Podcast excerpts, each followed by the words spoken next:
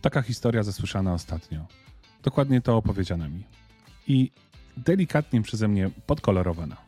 Ale niewiele. Był sobie taki jeden gość, powiedzmy Teodor. I wziął samochód, pojechał na autostradę płatną. Przejechał jakiś odcinek, każdy może sobie wymyśleć jaki. No i przychodzi do płacenia, a tutaj lipa. Teodor zapomniał portfela. W aucie też pusto. A pani w okienku żąda kasy.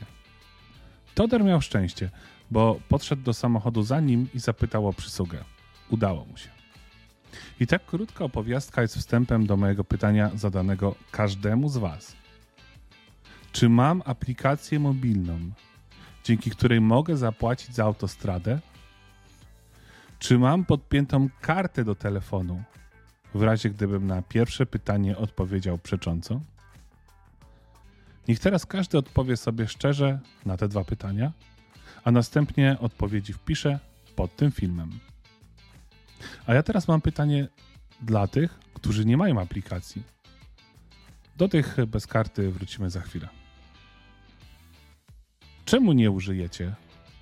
Czemu za każdym razem dojeżdżając do bramek widzę sporą kolejkę samochodów, które czekają, by manualnie, tradycyjnie zapłacić za autostradę, a ci, którzy mają aplikację, w zasadzie przejeżdżają niemalże bez zatrzymania.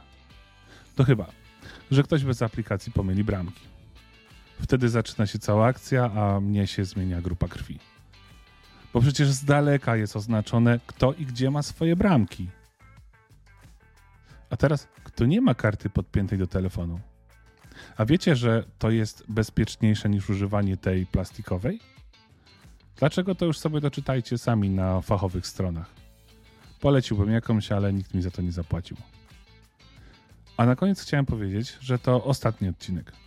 Dla tych, którzy odetchnęli, że nie będą już musieli mnie słuchać, przerwa będzie tylko na czas ferii.